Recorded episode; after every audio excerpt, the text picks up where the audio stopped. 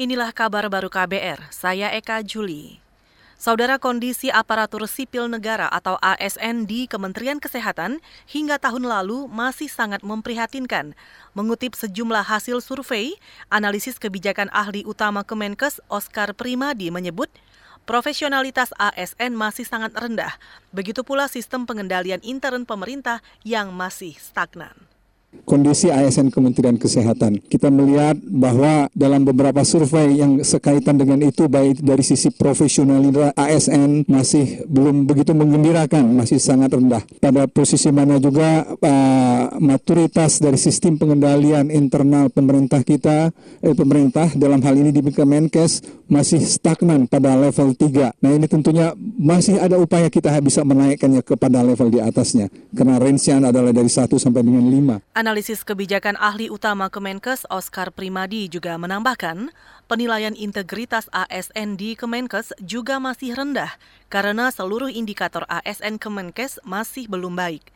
Oscar Primadi juga mengajak ASN di lembaganya meningkatkan kinerja dan budaya kerja.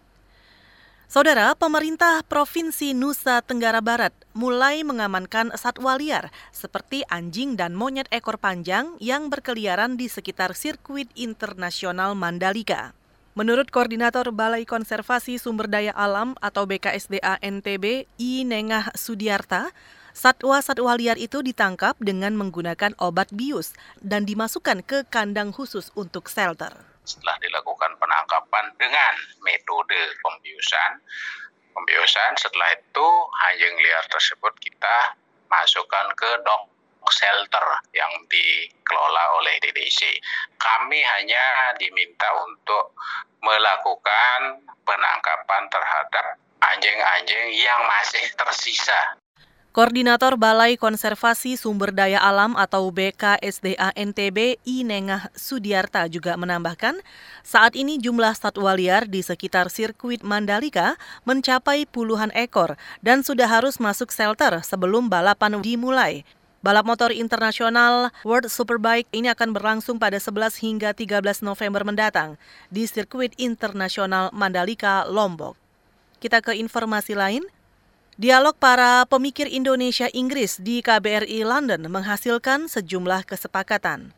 Antara lain mendukung upaya Indonesia menjadikan ASEAN sebagai bagian dari solusi mengatasi berbagai tantangan global.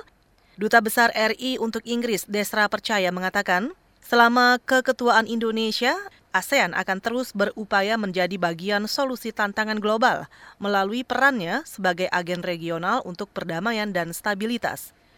Dialog Wadah Pemikir Indonesia Inggris merupakan kegiatan tahunan KBRI London yang memfasilitasi upaya tukar pandang antara kalangan non-pemerintah kedua negara. Dialog yang digelar KBRI London ini bertujuan menghimpun masukan dan pemikiran untuk keketuaan Indonesia di ASEAN pada 2023. Termasuk pentingnya ASEAN memperkuat mekanisme menghadapi situasi di kawasan, misalnya masalah Myanmar ataupun isu-isu yang berdampak global. Saudara demikian kabar baru, saya Eka Juli.